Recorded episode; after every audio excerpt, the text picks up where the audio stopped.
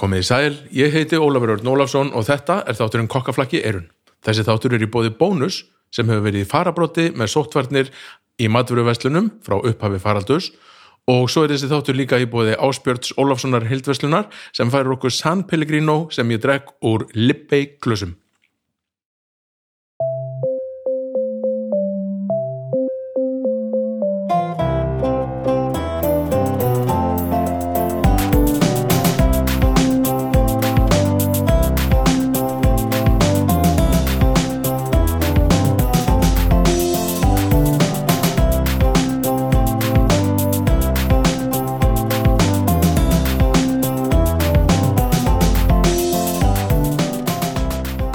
Já, góðan daginn, daginn, daginn, góðan daginn, daginn, daginn. Komið sálflæsið, þetta er þátturinn Kokkaflakki Erun og ég heiti Ólafur Örn Ólafsson eins og fram hefur komið.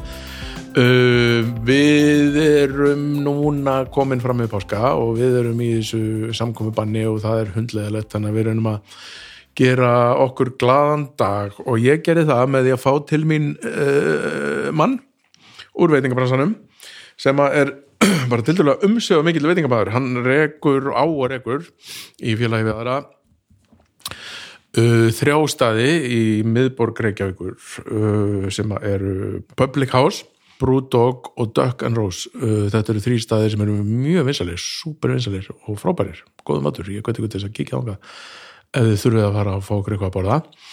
En til að fara þangað, þetta er hann Eithor, hann er kokkur. Hann er matreðslu maður og við förum bara svona, svona svolítið í gegnum já, gegnum lífið bara og feril, feril hans bara doldið döglega, bara hva, hérna, hvað hann kemur. Hann kemur frá Húsavík, þar sem að er hérna, já, Eurovision og þetta allt sem það ekki með þessu vel.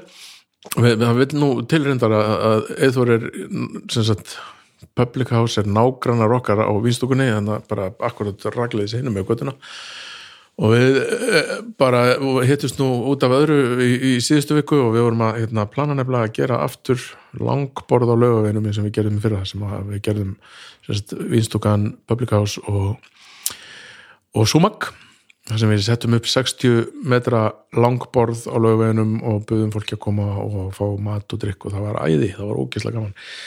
Þessi, þetta spjall fór bara já já, út um allt, við töluðum bara um, um alls konar, hann sagði mér bransasögur og, og hérna fóru ferilinn og svo fórum við aðeins í restina yfir það sem okkur báði með hjartasmál og það er hérna svona að gera, veit ekki að bransan að manneskjurleira vinnu um hverju og hvernig við getum, getum mögulega gert það. Og, og, og einlegin er að stuðla sem mestu jafnleiti uh, kíkjum á það eða þú veist, bara hlustið á það hlustið í gegn, þetta var bara frábærlega skemmtilegt spjall. Ég var bara að ljúka við að kveðja nú er bara ennþá borðið alltaf svona upprifin eftir að hafa klárað.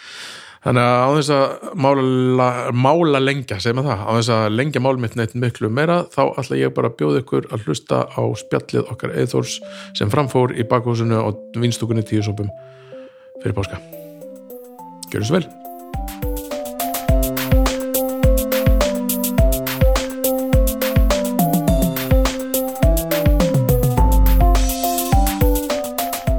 bara byrjum við sko, má bjóðir inn að eitthvað að drekka, sambölgrinu og bjór eitthvað. Engin bjór, sko. Það er skemmtilega með bjór heldur en ekki, sko. Gjör svo, takk. Ég ætla að fá með sambölgrinu sko, því að þeir eru kostunum að þáttanins og, og, hérna, og fyrir auðvitað það, mér finnst það bara frábært sko. Já, veist það mjög gott. Ég var að, eins og maður er að reyna að ná þessu öllu, þetta er svo mikið efni sem er að koma. Já, hérna, maður er svona að reyna að fylgjast með, ég er ekki svona að hafa undan drauga fortið, sko, sem ég er svona en minn uppáðast þáttur hann í Ég veit það og svo er minn uppáðast sko. er Bibbi sko en maður þarf bara virkilega bara að vera lasin heima til þess að ná heim er fjóri tímar frábært. Bara, bara ég ætla að hvernig fólk til þess að gefa sér samtíma til þess að hlusta á þessu löngu þetta það eru algjörlega bara, þú veist, ég er búin að hlusta á Gísla Martin í 5 klukkutíma og það var bara æði sko. Já, ég eftir að taka hann sko. Er Gísla gaman sko. Er frábært sko. Herðu, uh, takk fyrir að koma. Bara þá verður hjartalega velkomin í bakhúsið og vinstúkunni. Ég er ógislega gaman að fá þig. Já, takk fyrir. Sko, við þurfum að ræða eitt og annað sko. Við þurfum bara svona, hérna Við þurfum að fara bara dálítið í gegnum sko lífsferil eðos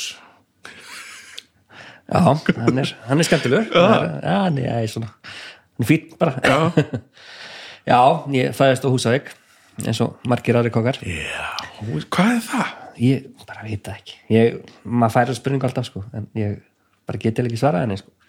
Það eru rosalega margir kokka frá Húsavík. Já, það er bara það er samt einn veitingastafur sko.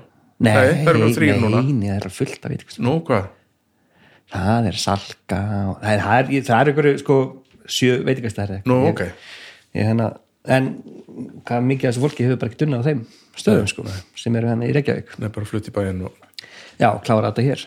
Ég veit ekki hvort að þessi svona góð í barnaskóla húsæk eða eitthvað en nei, nei, það er margir sem eru frá húsæk sem voru ekki eins og í skólum húsæk ég fór einu sinni til Húsavíkur. Ég var með pop-up, dill pop-up við borðið skipi í heila viku. Það er bara erfiðasti tími lífsminns en ógislega gaman sko. það var einhver svona siglingaháttíð já, fyrir löngu síðan, tíu árun síðan eða eitthvað og alltaf einhver segir eitthvað, býður upp á eitthvað svona skrítið. Hva, hvað segir þú um að vera með borðið skipi við höfnina í Húsavík og vera með hérna hafa dill þar? Bara, e, já, frábæru mynd mér finnst það ekki hugmynd. Ég sem man ekki eftir þessu ég, hérna, nei, en sko þetta var ekki alveg hugsað til enda sko, þetta var ógeðslega mikið vesen sko. En þú veist, ógeðslega gaman en þetta var svo mikið, ég bara krassaði gjörsilega, búin að þessu, ég gerði þetta í viku það voru við bara við höfnina Já, þetta var svona gamalt eitthvað svona þetta var sýstuskip gamla Gullfoss. Eitthvað svona nost skólaskip sem var leikt sem gisting fyrir starfsfólk þessar hátíð, þetta er einhvern siglingarhátíð -hmm. Mhm. og starfsfólk hátíðina gisti þarna því að það var ekki nú hótelblás í, í bænum. Já, já, einmitt. Og þá komið svona, Óli, var þú til í það hérna? Já, það blessaðast, til í það. Já, að Þannig- ég, sko ég mæla alveg með því að fara að gera eitthvað svona en þú veist, að hugsa það betur heldur en ég gerði þennan sko. það var ekki, þetta er alltaf sem maður hefur alveg verið með pop-up og svona þetta er, þetta er mjög gaman og mikil vinna og, og hérna, en þetta er já, ég jú, þetta er gaman og mjög mikil vinna. Þetta er bara ótrúlega gaman svo verður maður sjóar í þessu sko, hvað maður getur gert og hvað maður getur ekki gert sko. já, og líka reyna að gera ekki allt sjálfur. Það er held að er að gera eitthvað sem maður getur látið staffi á staðnum gera Já, og síðan er maður bara eiginlega meira andlit og, og, og svona hjálpa til Ég veit að þetta var ekki staffarnar sko, þetta var bara skip sem ég hafi. já, það er bara, já, þannig já, okay. Ég var bara Það er- skipstjóri. Nei, það var samt mjög gaman, ég átti kunni mjög vel með húsæk, hérna, ég fór bara og gifti fisk hérna hjá, útgerðar konginum hérna, bara banka upp á skrifstónu í honum og sagði, get ég ekki fengið bara þær gallin þær landa og það bara, það var æðis. gert mann já, já, Nei. það er bara algjörlega. Og, og hvað, fluttir í bæinn bara til að læra kokkin, Nei, í raun og veru sko ég flytt í bæinn 97 já, 1997 flytt í bæinn og þá er bara fóruldrar minn flytja í bæinn. Þá er ég bara 14 ára. Og uh, er í ég er hinn í Reykjavík til ég, til ég var 16 eða um 16 ára, 17 ára. Þá ákveði að flytja aftur til húsaðugur nú, einn bara, já, ég flytt þá bara til ömmunar ég er svona, raunur býð þá í bakhúsi á henni og saknaði bara vinnana og, Já, ég vildi bara breyta til. Ég var eitthvað, var í framhanskóla og ég hérna ég bara mætti ekki og nefndi ekki og veist, ég var alveg mjög duglur, ég var að vinna og eitthvað svona en ég hérna bara áttaði mig bara sjálfur og ég var ekki minna stefnu. Nei, þannig að ég þurfti eitthvað aðeins að hérna, miða mig. Þannig að ég fór til húsa ykkur sem var bara aðeinslegt og þá fórstu bara að vinna þar eða, Já, þá fór ég, að fór ég að vinna í fiskild, eða sem sagt, í hérna, fiskiðu og rækjumislu í eitt ár og síðan fór ég að vinna á hótelun af elda. Þar, þá er ég bara einmitt 17-18 ára og er að elda á hótelunu þar. Og já og þá er meðan ég er að elda á hótelunu líka þá er ég líka framhanskóla Hvað byrjar þá bara sem bara aðstofum maður í eldur sig, bara skræli já. kartöflur og já, já, við vorum bara tveir og það var, þetta var bara, maður var að gera allt. Já, bara eitt kokkur og þú? Já, það var bara mjög fínt. Já. Þetta er eldskýrtin sko. Já, ég held líka eins og kannski tölum við þá um sták, það eru margir í þessu veit með hennar Gústi á sjákrælinu, hann byrjaði líka hóttuninu bara í einhverju svona og, og það eru margir sem hafa byrjað, og Bjarni Sigur Óli hann byrjaði á Sölku í svona söpu dæmi þannig að þeir Nefnir, ég var hann líka, bara reyndar í Reykjavík um 14 ára, skilur upp, hann er bara fokkin hrind út í djúbulögina, sko. Einmitt, einmitt. Og það er ekkert, þú ert bara, að læra að synda. Já, það er aðalmálið, það er bara einmitt, það er bara hérna, þeir eru bara tveir, það er bara að gera allt. Þetta eru 170 mann sem eru bókið kvöld og það er bara að redda þessu. Kannski kemur upp að skræða, kannski ekki. Það er bara að vera lengur einmitt. Já, þetta er og, og þú fílar þetta bara, þessa pressu? Já, ég bara elska þetta og ég hérna, hugsa að ég get alveg verið góður þessu. Já, ég hafði alltaf einhver aðrar hugmyndur um hvað ég ætla að vera. Að vissu pappi er pappi minn er sko, eða var sjókokkur og svona, ég fylgdi alltaf með honum þegar ég var yngri og svona en, en ég var alltaf með eitthvað svona já, ég ætla að vera viðskiptafræðingur, ég ætla að gera þetta þú veist, það var alltaf svona miljón hugmyndir en ég hafði alltaf mikið áhuga á mat. Þó að kannski ég fór ekki alveg eða jú, ég hef í raun og veru ekki unnu við neitt annað heldur en þetta en þú veist, ég hef alltaf unnu við veitinga bransan veitingabrasan eða þá mitt fisk yðju, rækju og, og hérna, bólfisk Já, einmitt, alveg frá því að unglingur er, er alltaf, er, alltaf matur hugst. það er alltaf matur. Já.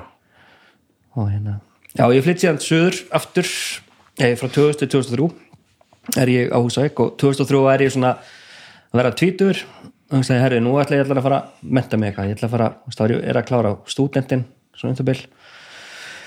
Og ég sagði, herri, ég ætla að fara hérna ég ætla að fara í hérna uh, kokana og þá Já. kem ég söður og það er þessi grunnur sem þú hefur þarna frá Já, það ánáttúrulega, sko, þetta er, tvo- þetta er 2003, þá er ég raun og veru frá 98 um það bil búin að vera, já, búin að vera fjögur, fimm ár í eldhúsi. Já, þú veist, McDonalds eitthvað smáttur í og, og hérna Subway Já, og, varstu það? Já, ég tók ég, tvær eða eitthvað þar það var, það var alveg til að svo búningin sko, það var mjög flottur. Ég held ég hérna það til sko. Nei, og, og merkir McDonalds eða þarf eitthvað? Í McDonalds merki ég er en ég er búin að týna hérna narspildinu það er alveg geðveitt sko. McDonalds, maður gafast að bara flippa burgunum það Já, ég var í, tók eitt ár hann í MS og hérna, og þetta var hérna McDonalds var náttúrulega í skifinni. Já, og það var fannst mér sniðið bara, ég ætla hérna að taka hér, vinna með skólanum hér.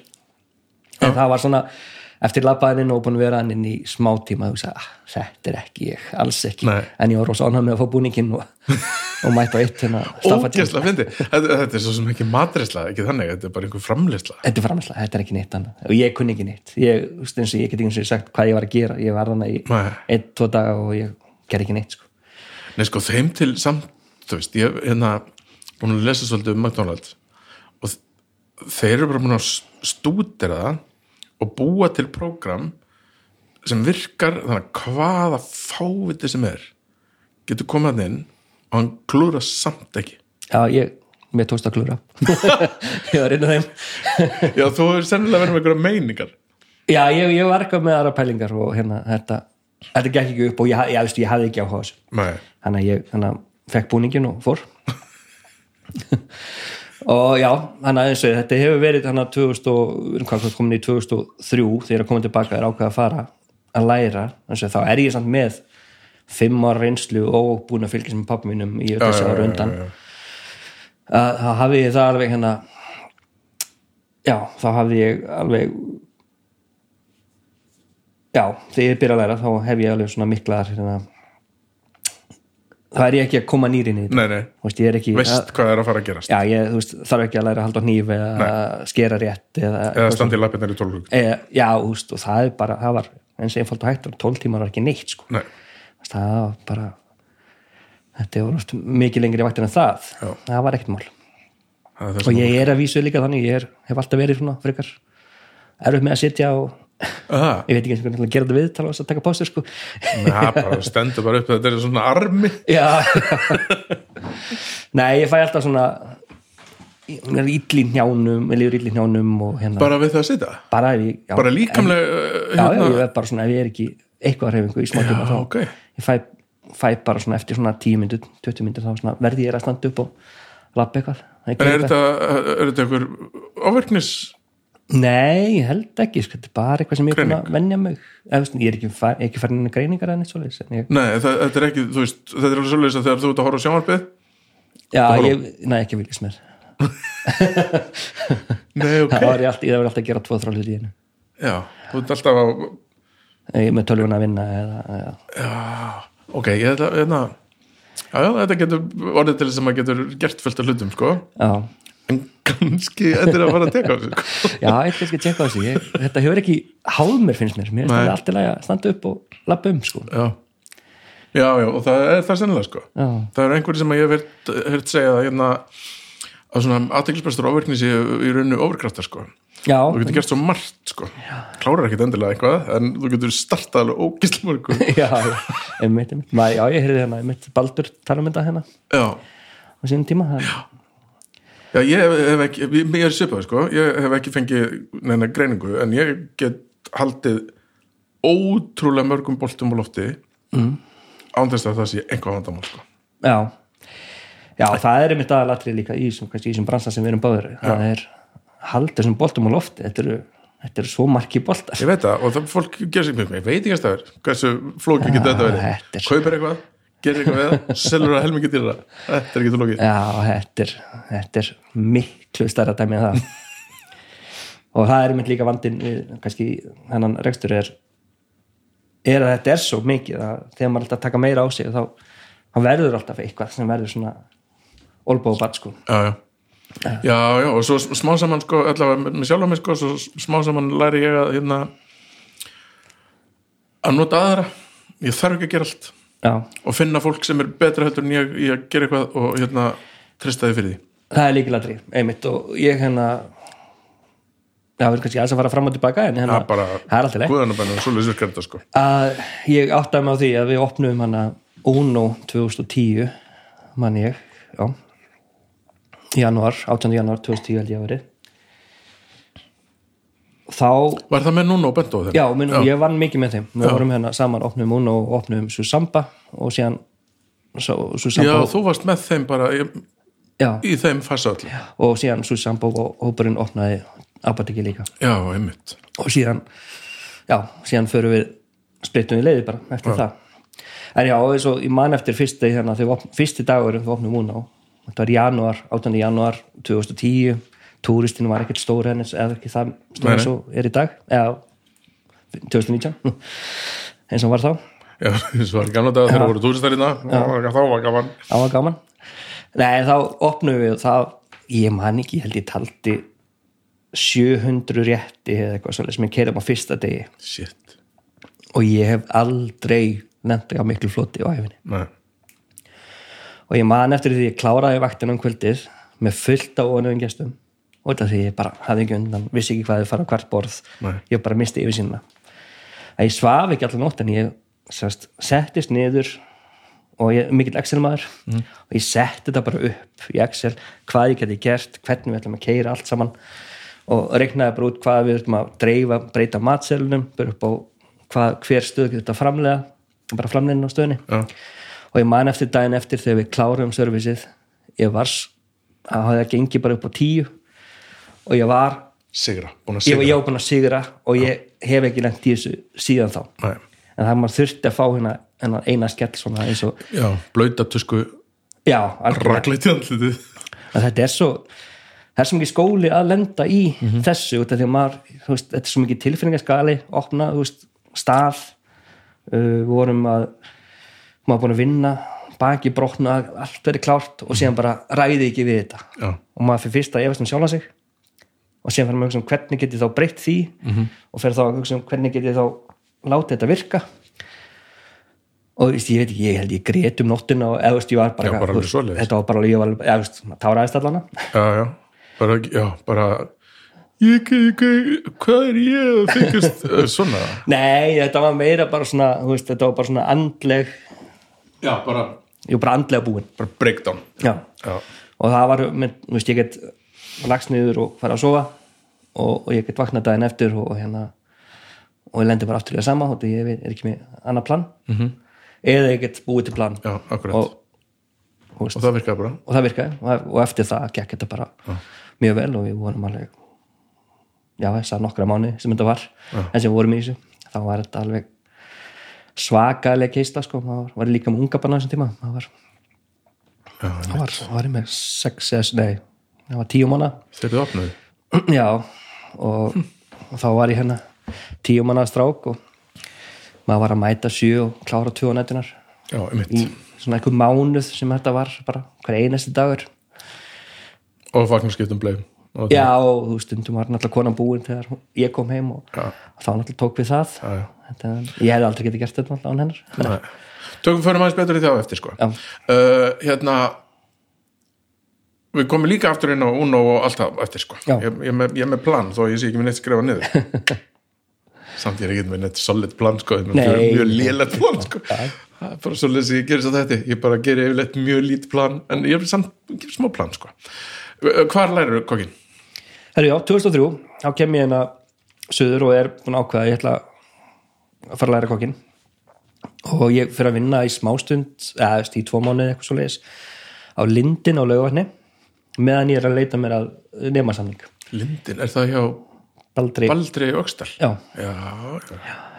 var hann einhverja tvo mánuði og ég man, þú veist inn að fyrstu já, ég veit ekki hvað sem mikið mamma getur sagt en jú, ég fyrstu svona fyrstum sinn, svona þriði dagurum minni eitthvað, þá er ég að klára klukkan tíum kvöld og þá fæ ég fullt af öndum inn allt í einu og það er bara erfið að Já, það bæti búin að rúta að skjóta? Já, já, það þarf að græja endunar ég kunni, eða veist, þó ég var með fimm að reynslu og ég aldrei, get, Nei. aldrei gert eitthvað við endur sko. þá, þá hrindi ég pappa og hann sagði mig hvað þetta gera og ég redda þessu. En það var, var skemmtilegt. En maður, það var það var svona fyrsta svona aðeins fyrir maðursla sem ég, veist, ég hafi verið bara í hópakesslu aðalega þannig að fer ég aðeins fyrir dæmi. Baldri er náttúrulega legend í þessum bransa sko. Það er Já, bara, ég þarf eiginlega að fá hann í þáttin ég hef búin að gleyma honum. Hann er alveg toppgur, alveg frábær. Já, já, já, ég þarf að fá hann í þáttin alveg 100% hann er með fullt á sögum. Já, Herri, já, þegar ég er búin að vera þar í einhverju tómanu þá fer ég á samning á Carpe Diem. Á, á rauðarstíg já, já, já, og það er það er bara já, ég var, Var þar það á þeim tíma sem Ásker Ellings var? Þar, annar legend í bransanum? Nei, það skrifa ekki þar. Ekki þegar ég var. Ég veit 2003, já, það er 2003 bara í júli eða águst sem byrja þar. Og við erum ég er þannig alveg í hvað 2000 og alveg 2009 held ég. Ég er í sex árana Nú, klára að læra og, heldur áfram að vinna það. Já, mér, ég raun og verið varð í yfirkokkur í nema dæminu eða þú veist, Já. svona það, eh, eða þú veist, ég var alltaf með náttúrulega eigandan og, og meistara minn, hann var alltaf svæðinu en ég var svona að byrja að sjá um marga hluti svona undir lokin, þá fór maður að fresta fresta þessu og Presta útskrift og, Já. já. og, og ég var bara að hugsa um að þá var ég orðinn svo, það var rosalega svona húsbóndahollur að ég ég bara vildi ekki, þú veist, gera þeim að fara í skólan og þá myndi þau vera menn dán og við, vorum svo fáir sko. Þetta var alveg alltaf flottu staður ef maður rétt. Já, þetta átti uppalega þetta opna held í 98, það átti þetta að vera svona, já, þeir sem áttu Argentinu opnaði þetta. Já, og þetta átti að vera svona fínni útgáfan af Argentinu svona að vera hann franskur. Já þetta var, þetta var, ég manna þetta opnaði sem eitthvað svona fíneri og endaði svo í einhverju, einhverju vilsu Já, eða, þú veist, já, kannski ekki vitlis ég ætla ekki að segja Nei, það. Nei, en, en en, þetta, þetta raun og raun dalaði náttúrulega frá held ég opnun. Og Já, við vorum alltaf að reyna og við vorum með sjúkrótel sem var hérna. Þægilegt, við vorum að afgræða hérna 60 manns á dag í morgumat, hátegismat, Já. kaffi og kvöldkaffi og kvöldmat. Og það ég held að það kannski hafi líka verið gallin það var svo þægilega tekjur. Já, borgað húsaleguna að borga þetta. Og þá var bara veitingastarinn orðið aukalega. Mhm. -hmm. En mistræði minn alveg frábær og Hver er mistari? hann heitir eh, Þorgils Þorgilsson kallaði Bóbó hann var já, bara já, ég bara Frábæn á ekki já, ég get ekki talað bara, Nei. nei, hann er bara svo æðislega sko. það er, Já, ég meina, það hlýtur að vera eitthvað spunnið fólk sem á vinnu sex ár fyrir, sko já, algjörlega og það er ekki verið en bara ég ákveð hann að 2000 og já, vísu, í þessum milli á þessum tíma líka þá bý ég á Bifröst bý frá 2005 til 2007 á Bifröst. Hann kerir bara, kerir bara á milli það kerið á milli alltaf dag og hérna ég man eftir þegar ég, ég flytjum í bæinn 2007 hvað allt í einu þá kom allt í einu þrýr klukkutímar á dag. Allt í einu bara aukalega ég var bara í stað fyrir að vakna sjö og leggja stað í vinnun og koma heim klón 12 þá var ég allt í einu gæti ég svo aðeins lengur? Já, já, já. eða einmitt. Já, hverju voru bifrist? Eh, kona mín var í námið þar. Já, já, já. Og ég flutti með henni. Sitt, þetta er rosa, þetta er rosa commute. Já ég bara pældi ekki í þessu. Ég bara, æðislega, setti eitthvað gott í, gott í græðunar og kerði á milli. Þetta var, maður var bara að gera maður gerði þetta heilust, bara, maður kerði bara þetta og já, já, fölgtu fólki sem gerir þetta í útlöndum sko. já, já, einmitt. Þannig að það er já, ég einmitt við fórum hérna, þegar ég var að læra þá mann eftir því að fórum 2008 í óttúber, fyrst óttúber fórum við til New York mm. með Hákunum Ár ára sinni og við vorum að elda í saminu þjóðunum. Já, og þetta er ákvært þegar hrunin bara hrunin gerist bara já öðrum bara daginn eftir já. já, þá bara erum við hérna við erum út í New York og, Nei, hei, á, á sama tíma já, og þá, ég man ég er að skera eitthvað lamp fram í sal og þá labba einhverjir. Ég man ekki hvað, hverju þetta voru hvort þetta var hérna, svo var gest og Sif friðlust held ég sem labba fram með mér. Og þau eru bara að tala um að Íslandi farin á hausin og þetta er, þetta er allt bara hræðilegt og ég eitthvað, vil ég meira lamp Kræst Rosalega saga. Já, og við þurfum að lappa með sendiherranum í, í New York, við þurfum að lappa með honum í banka til þess að innlesa launin. Þetta var ekki viss það var ekki viss um að þetta myndi hérna þau wow. myndi ekki bánsa þessar áherslunir Já, einmitt og það var einhvern veginn, jú, það var einhvern pínu lítið undirbúningur samt ekkert, einhvern veginn svona bara skall á, sko. Já, og erum við kortun okkur, þú veist, við höfum ekki neittpenning Nei. það bara var allt, þú veist, að kortun voru frosinn og Shit. Þannig að það var allt í við bara en þá um þetta tölum við hérna ein, eins og hálfstíma keisla í vinnuna eða þú veist, um, um það vilja koma sér á stað og svona. Að þá vorum maður að tala við þannig yfirkokkuna í saminu þjónum Já, sem voru hann aðeins þeirra þessum við vorum á. Að þeir voru að segja okkur já hérna, ég bý hérna rétt já þú veist, það tekur mig hérna, ég er mæti átt á mótnana, ég þarf að leggjast að sex en Já. sen er búinn, þú veist, átt á kvöldin og ég er komin heim tíu, já, alla dag já, bara frábært. Þetta er bara Já, frábært var sko. bara, bara winning in life og ég bara, ha, þetta er ekki hægt.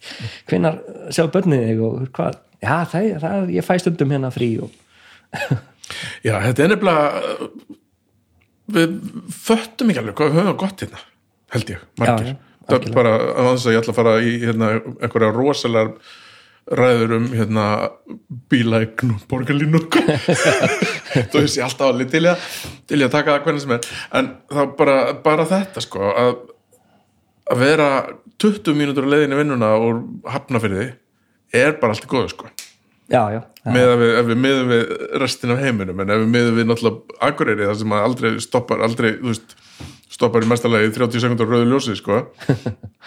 Þú veist, þetta er spurning við komum með það, sko. Já, já, einmitt, það er árétt að ég man líka eftir, það var svona vannvinning svona gagvart staffið þar sko, við vorum að, það voru, ég horfði yfir svo, sá svona 20-30 manns í eldusinu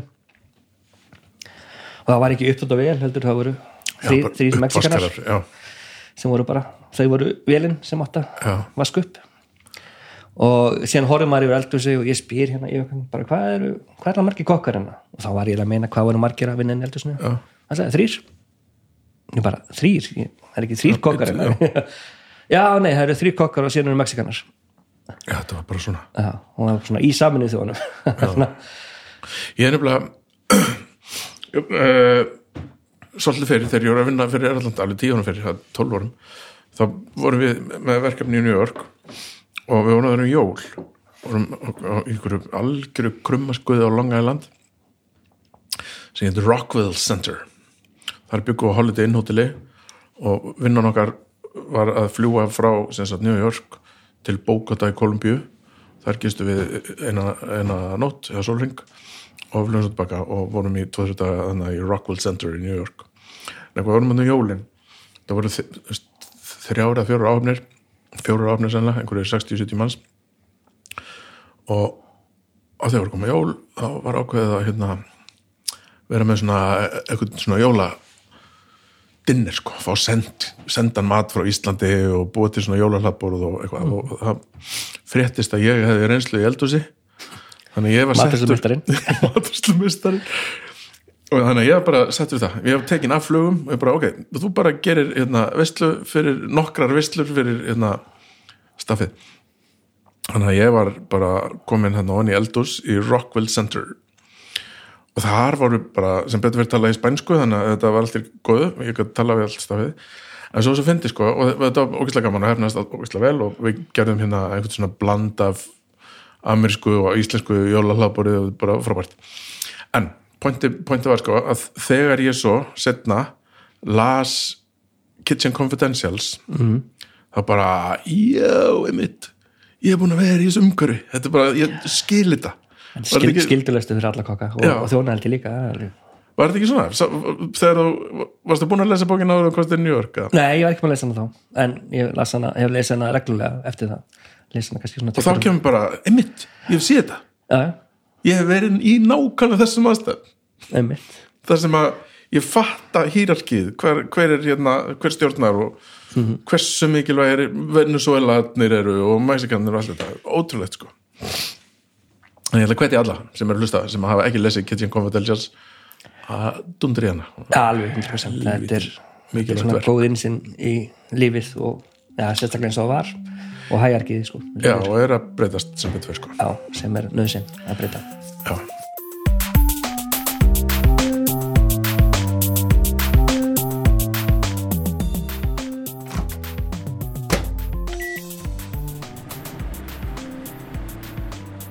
Við ætlum að gera smá hlið á spjalli okkar eða þós vegna þess að ég þarf að segja ykkur frá kostunar aðilum þáttana. Kostunar aðilar eru aðilar sem að gera okkur klift, okkur hjá hljókirkjunni klift að færa ykkur ókipis hlaðvörp í eirun þín og það er svo gott og við erum svo þakkláttir fyrir það.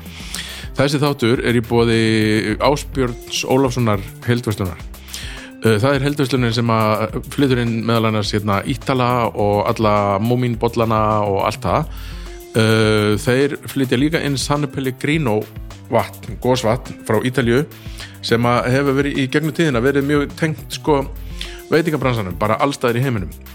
Ef maður kemur á hérna, maður kemur á veitingastæði í hæsta geðklassa og bara flestum geðaglössum allstæðar í heiminum þá getur við fengið flösku af sannbíli grinuvatni en það er það gott, það er létt kolsýrt ölkelduvat sem kemur frá Norður Ítalju það er hægt að fá það í alls konar bræðtegundum líka sem ég fýla mjög vel, það eru bara svona hérna náttúrleg uh, bræðefni sem að eru bætt út í eins og til dæmis citrus, appelsína eða citróna eða læm og, og hérna passar ógísla vel saman, það svo er einhvers berja sig smakkaðan um daginn, hann var líka fjandið góð þannig að ég hérna, get ekki mælt nóg með San Pellegrino og vatni, það er alveg frábært.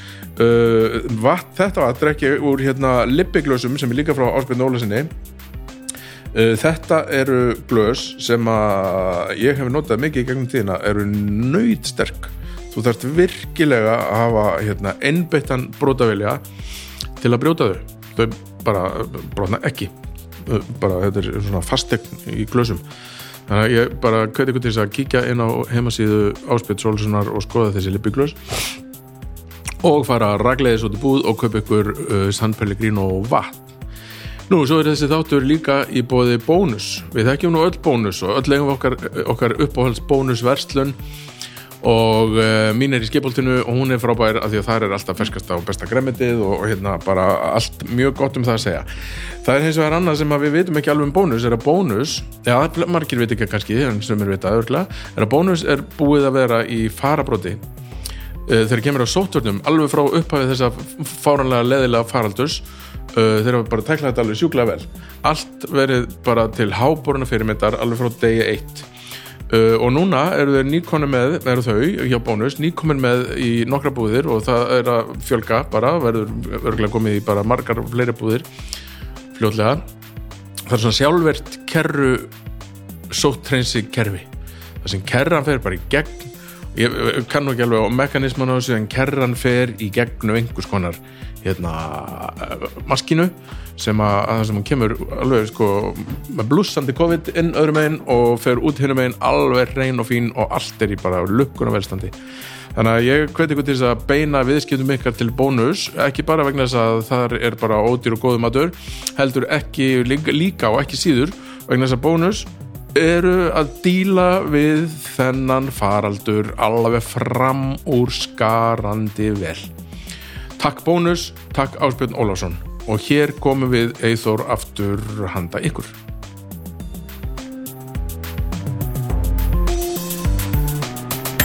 Uh, þegar þú ert hættir hérna á Carpediem Já Hvert færðu það? Færðu þá til Nónos og Bendós? Nei, þá fær ég til Tóma og hérna Gumma á Íslenska barinn. Það er raun og veru, þá hétt þetta brons og þeir hafa sambandið mig um að verði ykkur okkur á á nýjum stað sem vildu opna. Og eh, ég skoða það nýjútskrifaður og svona og ég, er, ég er til í þetta. En mér langar að gera þetta aðeins öðru sem þeir kannski voru búin að sjá þetta fyrir sér. Já. að ég vildi gera mikið um smárétti og rosaleg tenging bjór og mat. -hmm. og ég hef sambandið við Ölfusholt og er að vinna alltaf með þeim í sko að gera semst já, tengja bara matinn beint við bjórin og vinna bjórin semst onni matinn. Það er 2009 í jan, jan, janúar. Já, þá er Ölvisholt basically eina burgósið já, sem er að gera eitthvað, er ekki valið að Jú, Valli Vallar, já. Hef ég samband við þau og- eða þá. Og hérna og við, það verður bara svona bara hittari sko. Íslengibarinn verður bara, það verður bara kreisi að gera okkur. Og þar byrja ég og Gunnsteinn vinnu minn, æsku vinnu minn að hérna, við byrjum að vinna saman líka þar. Hann hefur alltaf verið í bransanum en við höfum aldrei unnið saman. Hann kemur síðan inn aðeins setna og sér um front of house og ég sé um eldursi Já. sem er svona gott dú eins og þú þekkir. Jú, jú, mikilvægt að þá erum við hana og það er bara blúsandi gangur á okkur og árið síðar og gefið út matrislu bók Íslandka Barsens mm. sem er í vissu bara svona lítil lítil með einhverjum ég man ekki 30 uppskryttum mm. ja, 30 réttum fleiri uppskryttum og já, við erum hana og ég er bara mjög ánægða þar það er ekki fyrir en núna og bent að hafa samband um mig. Þeim, þeir voru fór húsnæði. Þannig að ég heit Baltasar þá. Þá fer ég svona þá vorum við að skoða með að kaupa okkur hlut í Íslakabarnum Já. og hérna, þá borginni líka. Þá þú og Gunnsteinn. Já, Silfur já. og þá kemur einmitt hérna, hafa þeir samband við okkur og þeir eru hérna að opna vilja opna ítalskan stað og þá, ég mani ég labba hann og skoða þetta og síðan segi við Gunnsteinn svona en ég kann ekkit ítalska mat. Þú veist, ég er ekkit ég er ekkit ítalskur. Ekki einu stað sem ég hef verið á hefur verið eitthvað elda ítalska mat. Hann svona ítir í mig og segir þú er bara að læra. Og ég er bara, já ok. Þá taka við margar amtökunætur og, og þá kemur aftur eins og ég tala um að finna rétta fólki í rétta stöður. Já, já. Veist, ég get stjórnað en ég kannski kann þetta ekki. Aha. og þá fá ráðu við inn hérna Nino Neri Já, hérna, maður fluttur inn með pastavilni já, já, hann kemur, ja, hann bjóði í Íslandi en við fengum hann hérna til þess að vera ítalski kokkurinn okkar. Og hann sér um að búið til pasta og ég að sjá hann fyrir mér á hann getur að vera að gera réttina og kent okkur eitthvað og lært af honum og en sem var hann ekkert sérstaklega góð kokkur. Ég var einmitt að tala við hérna, við núna þá var hann eitthvað, já, já, við bara pössum upp og hann fær alltaf inn í sal í hátæðinu þegar það var fullt húsa fólki og gerir pasta í vilni já, og það er mitt að láttu fiskinn synda og, og, og fuglinn fljúga sko. Já. Veist, ekki vera að hann gera eitthvað annar Akkurat. hann var mjög góður að búið til pasta mjög góður að búið til tiramisu. Og ég bara settum bara í þau verkefni og láta sjálfst hann sig gera það. Já, einmitt, haldrandan um og var flottur gaur sko og það var svona andin í húsinu. Og gestinu komið sá einhvern eldri ítala lappaðan um og, og síðan var maður bara sjálfur á floti í eldusinu Já, og það er mitt gekk alveg svakalega vel. Þannig að opnum í janúar, 18. janúar held ég eða 19. 2010 og það er bara fullt hús alla daga. Já, einmitt í janúar þegar veitingabransin á Íslandi var döður venjulega 2010 og við já, ég er þannig að já, það kemur nýr eigendan inn og kaupir inn, eða kaupir í apríl og skilirinn hans var að ég myndi vera áfram út sumarið -hmm. sem ég gerði og það bara var fínt veist, það er kannski jújú, jú, það, það var bara skemmtileg matræsla og eitthvað svo leiðis en ég lærði alveg svakalega mikið á þessum stutta tíma sem var að vinna í ítalski matræsla mm -hmm. og síðan maður kann alveg elda en það er svona spurningin um hvað maður sér hafa sig. Akkurat. Og í ágúst, september þá hætti ég að núna og þá fyrir við beint í næsta verkefni. Og ég man eftir því að við fyrir að skoða hennar Dómo hér, staðurinn. Já, einmitt. Í hérna, hvað, Þingolst 35 Já. Og með Bentón og þeir tala við okkur og ég og Gunsti fyrir saman á skoða og ja, við ætlum að opna hérna suður-amerískan eh, japanskan stað og, og þetta og ég maður þetta lappa út og segja við Gunsti Gunsti, ég ég kann ekki því suður-amerísku japansku matæslu og ég maður þetta nýtur mig og segir þú eru bara þessa.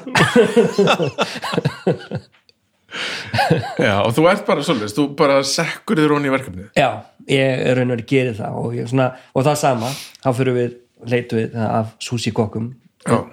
út úr landsteinina og við fáum inn nokkra góða já, þaðan. Bara fólk sem að kann þetta Já, og þú getur látið þetta virka á Excel.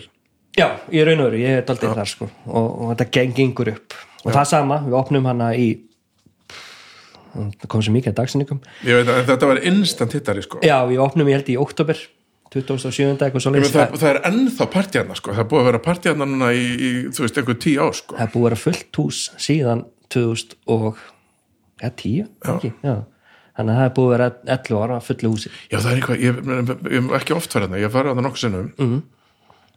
og það er alltaf einhver svona eitthvað svona já, það er eitthvað svona partistemming það er alltaf allir á leiðin eitthvað djammið og mm. eitthvað svona eitthvað svona, músikinn há og svona stemming, sko. Já, þetta er líka, veist, það sem bent á núna að hafa þeir eru rosalega góðir í því sem við gera. Já, það er ekki hægt að tala þar niður. Þeir eru algjörlega með, já, með já þetta og ég meina allt sem er hafa gert af yfir einhvern veginn breysti gull, sko. Algjörlega og ég alveg svakalega mikið á að vinna með þeim. Þeim tíma, sko. Er já, við erum hana á Susi og það er mitt, fyrsta degi þá var ég þá var ég búin að læra af Uno þannig að ég lendi ekki á skýtaflóti Nei, og, og ég lærði bara og átta mig betra því þar að aðalatrið var semast að setja alla aðra í verkefni og síðan tekið verkefnið. Það var raun og að setja alla á flott og setja alla í 100% vinnu og síðan kem ég og vinn restina. Hjálpa til, já, raun og þetta er svona kannski vinna því að gera sér óþaran en þú ert aldrei óþarur Nei, og það er, það er leikill held ég sko, sem að mjög margir fatt ekki sko. -hmm.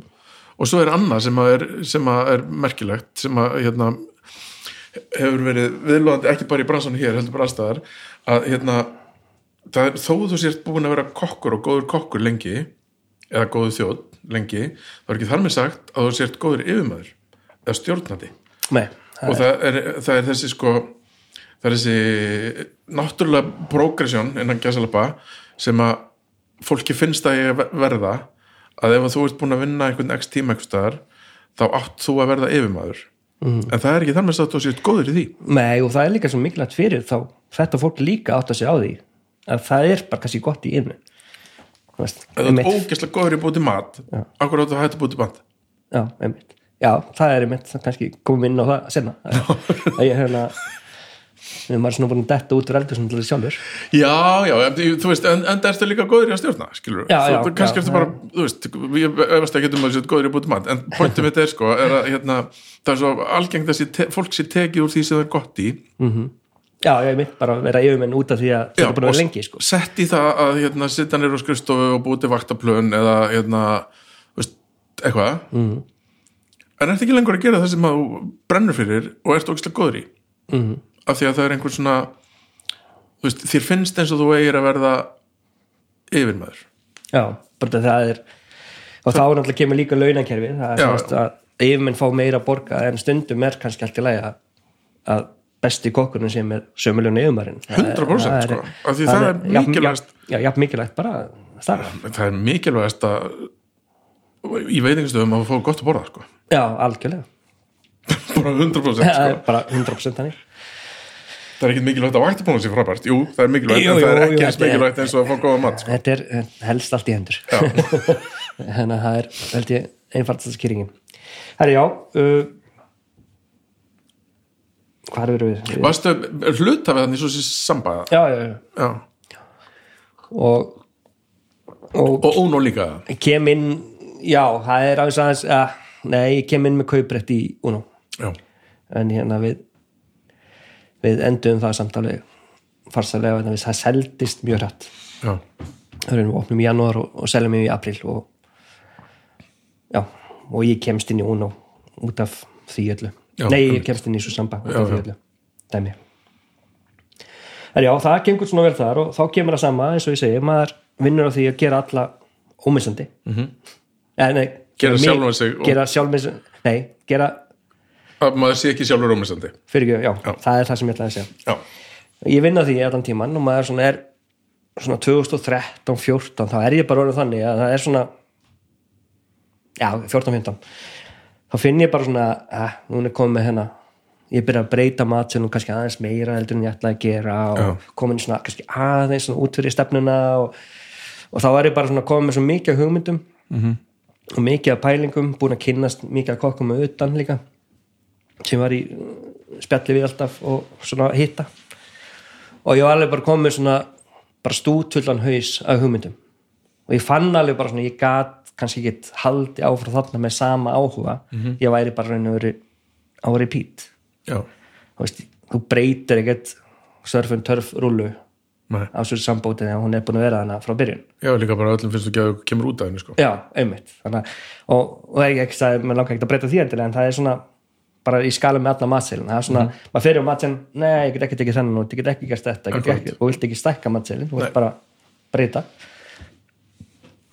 Þannig ég upplýði hana 2000, já, 2014 þá er svona, er ég að fara að horfa í kringum mig svona og með núna á bentu líka að leita öðrum húsnæðum til að opna eitthvað nýtt. Og þetta, mér fannst ég ég stannaði bara, ég var bara já, já, já, ég fatt alveg hvað það menna það, bara, það var það var eitthvað fleira sem þurfti að gerast. Já, og um mitt, maður með og þú veist, og allt var svo auðvelt. Maður mætti hana á kvöldin eða þú veist, maður var hana, mætti alla mótna græði að preppa og maður búið með preppi kannski 12, 1 kallaði síðan restina fólkin inn kom, og svo var hann við daginn og síðan fór maður tók service um kvöldið í, klukkutíma, tvo tíma og þetta var orðið svo auðvelt. Já, þetta var bara, já, ok, það er hérna ég þarf að gera 60 rúlur, já, byrja að þetta var rúla bara orðið svona rútína. Já, já. Og það er nú eitthvað sem eða þú fyrir ekki það rútína. Nei, það er málið, þá var ég alveg svona orðin bara, já, já, ég þarf að gera eitthvað nýtt. Já, og í, á þessum tíma vil ég opna apotekki líka en það er, ég hef svo sem ég hannaði eldur síðan hana með þetta yfirkokki og Carlos, en annars kom ég rosa lítið nála Ok. okay. því öðru leiti þeir sá bara um það að hann, að núna á bent og síðan þeir sem voru þar. Eða þau sem voru þar. Uh, Já, ég þá var ég bara að byrja að horfa í kring mig, ég var að skoða fullt á húsnæðum og, og fer að skoða eitt húsnæði sem endan þegar Lemon ákveður að taka það. Og þá spyr ég, eða þú veist, þá kemur spurningin af einum sem var með okkur í þessu. Eða semst einum sem var að skoða húsnæði með okkur mm. sem er þá ekki við núna á bent á heldur já, utan að einmitt, hann uh, segir, já, náttúrulega ef Lemon er að flytja þá, losna það þá. Losnar örugglega Lemon húsið sem er þá lögavör 24 já, sem er þá public house í dag. Einmitt. Og þar kemur allt í hennu bara svona lítill staður sem enginn held að myndi virka út að hann væri allt ofalega á lögvæðinum já, en það var svo lítill og ég sagði um vestafalli þá vinn ég bara myrkrun á milli. Veist, þá er ég bara einnana já. Og ætla bara að gera þessa rétti sem komist ekki á matsiðir annars þar og þetta var fyrsti sem að var bara titilinn Gastropub sem var mjög mikið í tísku jólundum þá. Já, já. Og samt, og meira smá rang nefni í svolítið, þetta er, þetta er meira meira restaurant sko. Já, já, Isikaya eða veist, hvað sem maður kallar þetta þetta er, veist, það er en eh, þetta er, við höldum okkur við þetta. Já, já, svo leggum maður upp með eitthvað og svo breytist það sko. já, það er rauninu það sem gerist ég, allir þessi réttir, ég hugsaði, ok Susi Samba er svona, það er þetta mig vantum mig til borða, það er þessi músík sem spiluð uh, við erum með hérna maður lappast með sal á kvöldin og það var bara konur, Já. ekki einasti kallmaður og síðan opnum við Public House það sem er svona rátt útlit það er bar mm -hmm. það er, barinn er 30% af svæðinu þar sem gestinir eru við erum með svín sem logo og heavy matum, mikið djústegt mikið af truflum og mikið af svona einhverju dóti. Og sem var bara planið okkar á þessum tíma. Og ég man á svona, eftir þrjá mánu þá lappaði fram í sal, horfi yfir já, stöttum milli borða Já. lítil borð Þú veist, við, þetta er alveg svakalega fjöldi sem kemst inn á bara- 73 fermetrar að koma 60 manns inn. Einmitt, Þetta er- mjög þétt setið. Og ég man eftir að ég lappaði upp úr eldursinu eftir svona þrjá manni og horfði yfir. Horfði bara konur. Nú það, já, og ég höfði bara, já, þetta er hennar þessi, ég ætla að opna svona kalla útgáfuna. Kallastað, já. já, það gekk ekki. Já, nei, þetta er merkilegt. Þegar þú segir þetta þá lendi ég í þessu líka. Já, bara á mjög, mjög mörgum stöðum sem ég hef tekið þátt í að hérna, búa til. Það byrjar oft svo leis og það er svolítið eins og konur fatti fyrr hérna trend. Ég kallar fylgja. Það er bara þannig. Svo fylgja þér eftir, já, já, setna, þeir, sko. steikhús svona, þeir fara á steikhús. En ef það er ekki steikhús þá fylgja þér bara já, á endanum. Og svo, svo breytist hérna svo breyti, bara eins og hjá okkur á vinstúkunni, skilur Mhm. við opnum hérna fyrir hvað, tveim náttúrulega síðan bráðum. Og hérna fyrst, sko, fyrstu mánuðina þá vorum við litum, ég fatt að ég gerði mér ekki grein fyrir þessu fyrir en einhver bendi mér á það, sko. Það bara, já, brjála að gera, það er mjög mikið að gera bara full stöður og bara ógislega gaman. Já, en það er bara konið þetta bara, já, nú, já. Og svo, svo breytst það sko. Svo, það er eins og, hérna, ég veit ekki hvað þetta er. Það er eins og stökku fyrir á eitthvað svona nýtt. Já, ég, ég fæ sko ég kaupi svona meningaskýstur já, og fæ ég skýstur yfir veitingastæði og það er merkilega eins og núna með Public House og á Dögnin Rós sem er hjá núna líka eða með fleirum að það er við erum held ég hæstir í hlutvalli að veitum á Íslandi í konur hlutvalli já, ok. Ég held að sé 60 70% konur á Dögnin Rós og 67 á, á Public House. Sko. Já, Það það er- það er ekkert, Dögnin Rós, jú, jú auðvitað, kannski, já, ég er samt, veist, ég fyrir nú borða þær og það er það var gæðt sko. Já. Ekki ég er nú kona. Ekki ennþá, ekki svona þannig. Hérna já, og, Public House bara var innstað þeittari. Instant hittari, bara bara- þvílíkur sko.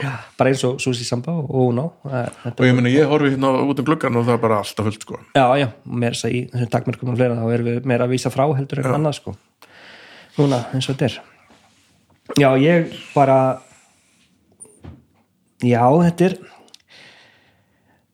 Public House er svona barnið, það er svona hjartað. já. það er, það kemur svona þetta eru bara réttir sem ég er skóðir já, og það eru grunna miklu fleiri, fleiri fólk sem finnst það og ég er ekki að, ég, mér er skýt sama um allt.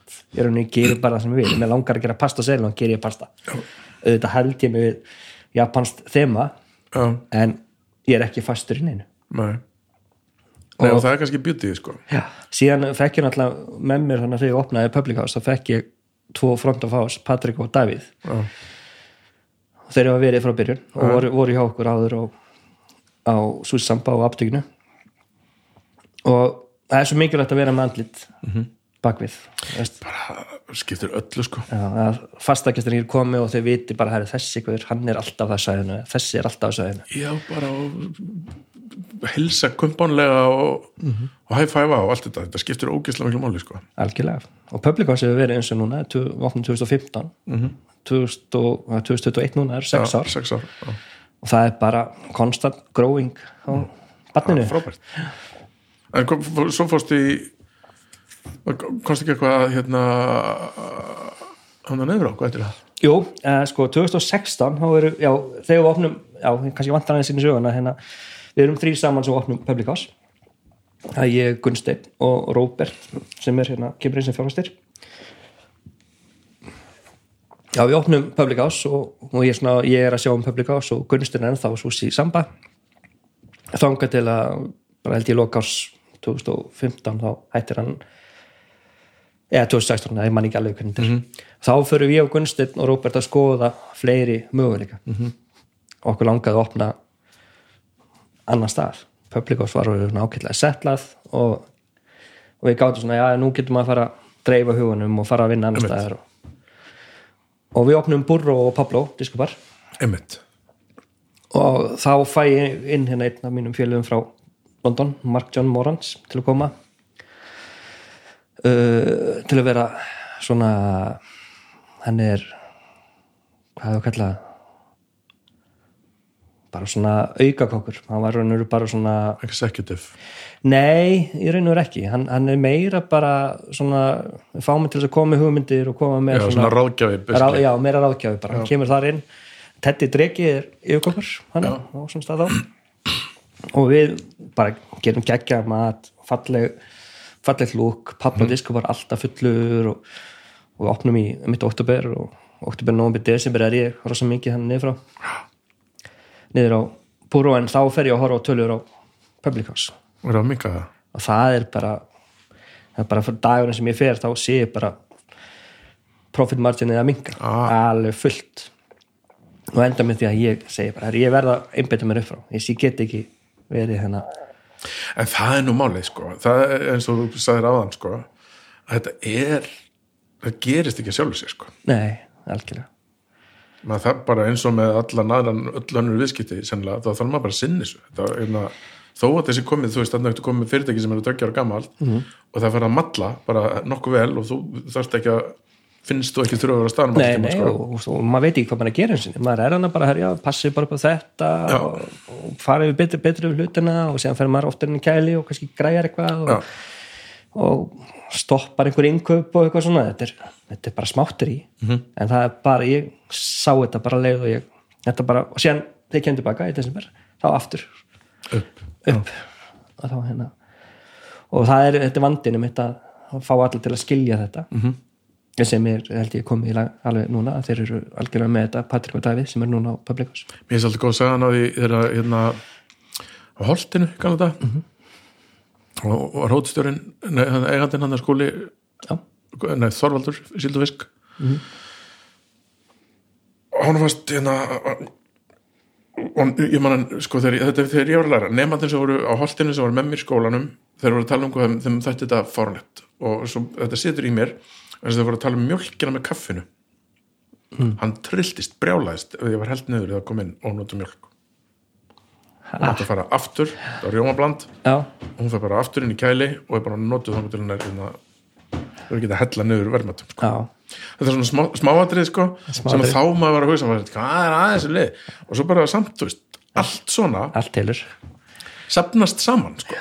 og jú, jú, ok, mjölk, mjölkin skiptir kannski ekki mestu máli en, en prinsipið í því að vera ekki að hérna, henda verðmættum emitt já, það er bara málið. og er, já, við erum í hérna erum í búró. Og sama tíma þess að við erum í búró þá er ég eitthvað búin að vera að skoða með kunstinni brúdog. Mm -hmm. úti, við erum búin að fara þess út og hérna og pæla eitthvað og meiri sér sko kom ein hugmynd okkur áður og opnum að, að Pablo er ekki Pablo heldur það er í brúdog og efri hæðu á veitingastæði -hmm. en það Pablo var bara líka instant hit. -hmm. og hérna þannig að það þurftum ekki að í því. Að þess að taka ofan fyrir hún á ásaminu Já, já, Ási bara toppar þjórn frábær og líka svo skemmtilega sko, það er Stórkostlegur. mann eftir að hún mætti með hérna skrif og síndi mér hérna vasseldu skrifbólkinar já, vasseldi skrifbókina bara, þetta var bara besta thing ever. Og ég bara, já, en þetta er svo merkilegt, eða mikilvægt. Já, ég kann ekki að tölur. Þetta er bara fínt. Bara, bara til þess að útskýra það þá leta hann alla barþjónuna fá vasselda skrifblokk og þá átt að koma einu uppskrift í það á viku eða eitthvað. Já, eitthvað svo leys sem að menn áttu bara, þetta var bara pressa. Já. ef þú ætlar að vinna hér, þá skalt þú skila og, og, og hún var vasselda því að þú varst alltaf með hana fyrir fram á barnum, Mhm. þannig að getur sullast á hana. Einmitt, alveg. Það, þannig Snillingur þannig einmitt, þannig ertu með bara algjörlega svona idealist, hann veit alveg hvað hann að gera, hann vinnur svona Já. og þetta er bara frábært, sko. þannig erum við að svona, já. Geggjaði sko já, við opnum búru á Pablo. Og erum hana, ég færi mig aftur yfir á Public, svona svipum tíma og Mark fyrr aftur til uh, London. Þá er hann, og hann vísum fer þá, Mark fer og verður yfirkokkur á á eftir þetta er hann yfirkokkur heldur bara á Monkey House sem er núna mjög vinsall staður í, hérna London.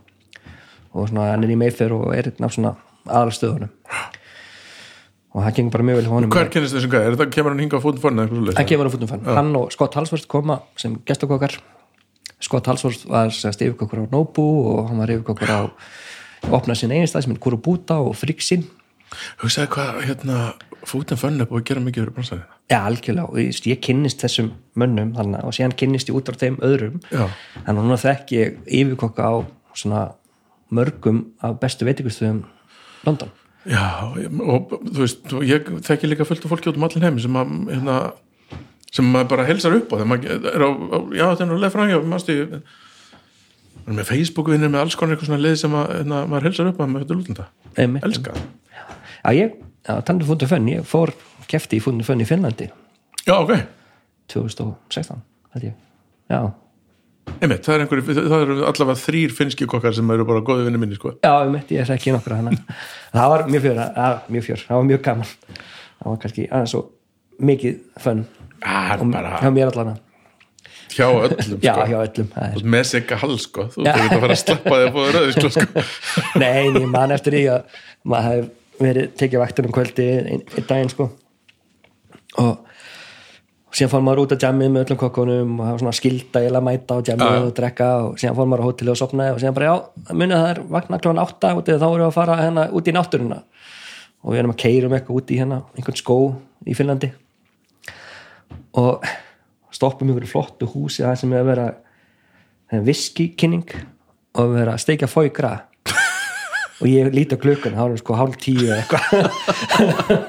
Og síðan alltaf að vera sörður sem kvöldi ég bara, just maður tekur þátt í þessu og Já, ég, já, er ég var ekkert bannaði bestur sko. Ég bara var ólinn Þetta er bara svona átt að vera, sko. Já, já, og ég með þetta er ástæði fyrir fútufögn virkar hér, sko. Það er allir fullir í fjóra dagar, sko. Já, já, einmitt. Og finnst það ógeðslega gaman og, og netverkið er ótrúlegt. Þetta er ótrúlegt sko. já, þetta er nefnilega svo gott fyrir kokkana síðan í Íslandi að kynnast öllu þessu fólki. Það er bara, bara frábært. Kokka og þjóna og allt saman sko. 100% sko. búa til svona aðeins starra tengslanett og þegar maður fer út á heims, heimsækingun þá er alltaf í bóði að Já. kíkja á algjörlega mjög mikilvægt. Ég vonum að, að fútufögn takk upp þráðin þegar þessi helvits fokkin veira er hægt að tröfla okkur. Já. Herri, við erum að byrja á Brúdók já. nákvæmlega, það er hérna, þar vorum við að keppa. Vissur það? já, ég vissi það sko. Ég hérna, Ja, keppa, keppa, ég var hérna þú veist að skoða þetta. að, já, ég var búin að hafa samband við Brúdók og, og langaði til þess að gera þetta sko. Já, ég var búin að vera, sko, ég held að það sem ég hafði hafði fram með þig er að ég var búin að vera sambandi við síðan 2016 já, og þetta er 2018 sem þú ert að hafa við. Já, að, og ég kem með eitthvað svona svaka veist, skýslu sem ég sendi út til þeirra mm. okkur við erum réttu manneskunar í þetta og ég hafði hittu 2016 líka. Þannig að ég held ég hafði, var alltaf í bílstjórasættinu en já, við fengum það verkefni að mitt að opna brúdok sem, sem hérna hefur bara verið gengið mjög vel líka. já, bara frábær staður Já, já, og þetta er svona long, long term project sko þetta er það er ekki mikil álæning hjá okkur eða við erum með dýra vöru, við erum að Já, selja já. dýra vöru Já, já. og lítil álæning sálega sér á hana þannig að við erum já, við bara erum horfum að til langt um markmið og En hva, er þetta er þetta svona alveg frans, eða skilur þarf að fara eftir mjög stífum hvernig fer það í, í menn sem eru kreatífur? sko 2016 þá er engin, engin ekkert franchise fee, ekkert hérna Nei, ein- bara gerið bara eitthvað sem hendar brúdok Mhm. -hmm. 2018 er komið fransasví upp á ákveðum prósendur og þá er svona já reyna svona fylgja okkar hugmyndafræði. 2001 þá vilja að við séum komnir í sko svipaðan matsi eða einhverju leiti og, og eitthvað svona. En þeir hafa samt mikið verið að horfa til okkar. Já. út af því að brúdok Reykjavík er hæsti sölu matarsölu staðurinn af brúdokstöðun nú er við erum með við erum oft með um 50% matarsölu. Mat versus bjór og það er 20% er, er standardin það sem er um, um heiminn sko. Já, einmitt. Þannig að við erum með 50% en það er náttúrulega er þetta Siggi Burger Jesus okkar, hann er, er hérna aðal maðurinn í eldursinni og, og hann er einmitt svona hann var einmitt líka að vinna smá á Uno. Hann kjá var já, hann var semst uh, yfir Tomma burgerum úti. Var semst í expansion dæminu og finna rétt á kjötið og allt það. Og síðan þegar hann hætti það þá kemur hann til mín og bara, herri, mér langar að koma til þín á brúðstokk mm. Og ég bara, velkomin, gjörðu svo vel sko, hvað, má ég borga þig mikið? hvað vantar þig? Bara, hvað vantar þig til þess að þú getur bara Já. sjænað Já. Hann er, hann er alveg þar. Hann er, hann er svona ætla ég segja vikvarblóm hann er svona blóm sem þú vilt að sprettir og, og græjar veist, og gerir. Þú, vilt ekki setja hann inn á Nei. og vilt leifa hann að njóta sín. Nei, þetta er líka geggjað maturinn sko. Já, alveg frábær sko. Og hann er alveg svona ekta í konceptinu. Mhm. Þannig að hann semst verður yfir kókurinn og við bara já, brúdók og já, brúdók bara eða brúdók, er brúdók 20 bjórar á kanna og Já. En sko, svo ferði hérna Duck and Rose, Café París. Já, ég held að það sé næst eru að menn ekkert hrættir við svona? Ég, get ímynda mér að húsalegan þarna sé kannski ekkert svo lægsta í bænum, sko. Þetta er íkonist hot já, þetta er raun og veru sko, ef hann byrjar á prós þetta er besta á bæðinis Já, já, það er ekkert, þetta er eitt stærsta útisvæðið og núna stóðum við samtök þar sem við erum búin að fá í gegn margar hluti eins og láta veggin hennar, Já, hann að vera ennþá stærra útisvæðið sumar og alveg þá aðgengi að Östuvelli já, sem er frábært, sko. Já, alveg bara byggt út á Östuvell Já, og nei, þessi- jú, jú, maður þegar veiran var eitthvað að láta þessi kræla Nei, og líka ekki nóg með það heldur er náttúrulega líka búið nýbúið að taka þarna allt í gegn. Já. Það var, það var bara 2000 ári áður eða eitthvað. Eða 2017 var allt tekið í gegn og svona 2020 þá fyrir við og gerum breytingar en, það var nefnilega máli að þá búið eða fullt af penning og við eittum bara aðeins meiri penning við eittum bara, Já, já, nei, við en, þurftum, en, þurftum, þurftum bara að leigir að en staða sko spurningi mín er kannski þegar að þú ert, þú veist, þetta er íkonist hotn og það bara brjálega að gera þarna og þetta bara að ganga í, þú veist, eitthvað 20-30 ári eitthvað og svo er þessu breytt og það gengur ekki. Já, ég, ég Þú veist, bara hversu kokki ertu? ég, ætla ég var að fara að byrja sko, ég hef ekki farið á hausin Hversu kokki er maður að segja já, pff, þetta er nú bara vilsingar, ég get gert það miklu myndir Nei, ég held, við fórum í svona ákveðna svona könnun meðal fólks. Já, og spurðum hvað er Kaffi París hvernig komst það síðast, hvað var gott, hvað var slæmt. Já, og þetta var alltaf, eða flestum tilfella var þetta alltaf leist með já, Kaffi París, ég kom hana fyrir 8 ára síðan. Já, og það var ekki gott. Nei, eða, eða þetta, eða gott eða ekki gott, það skiptir ekki máli. En allir voru að miða saman veist, 2017 opnaðar bara fína veitingistar Já, frábæra sem heit Kaffi París. En allt fólki sem er að dæma Kaffi París er að dæma ranga veitingastar Mhm. þannig að það var eina leiðin fyrir okkur að breytum nafn. Já, við vorum með miljón nöfn í huga og útlenskt og íslenskt og, Mhm. og þá kemur einmitt pælingi bara með Döggur Rósa var, var einhvers stað, kom einhvers stað kaffi Líón, bara önnur borg í Frakklandi. Kaffi Líón já. Nei, Þetta hefði verið gott það hefur alveg gott sko. Það kom alveg London kom í huga og það er alveg svona já, mér finnir mér nafni að það er mikið talað um að hérna fárlega þessi útleys nafna á staðnum. Já, ég veit ekki til þess að það hefur íslensk nafna sko. Nákvæmlega. Þetta heitir Great Western Syndicate eitthvað Great North Western Syndicate heitir húsið. Já, já uh, London hétt hérna, einn búð sem var hana Herradeld P.O. var þarna líka. Já, já, ok, það er, það er íslenskt. Það er íslenskt. Kaffi Paris er ekki íslenskt. hvað ég er gammal sko. Já, já. En já, Dögnar Rós kemur einu veru frá því að við erum eitthvað, þá erum við að skoða fullt af hlutum og þetta er staðið sem við viljum opna, láta opna klun 8 á mótnana þegar er fullt af túristum og við viljum þá vera að selja þú veist, einhver mat sem gengur. Við viljum samt vera smá fancy með þessum veggjum sem við erum með við erum að, búin að harna hann þannig að þetta er svipaði svo margir andan bells og fleiri staðir í, í hérna London.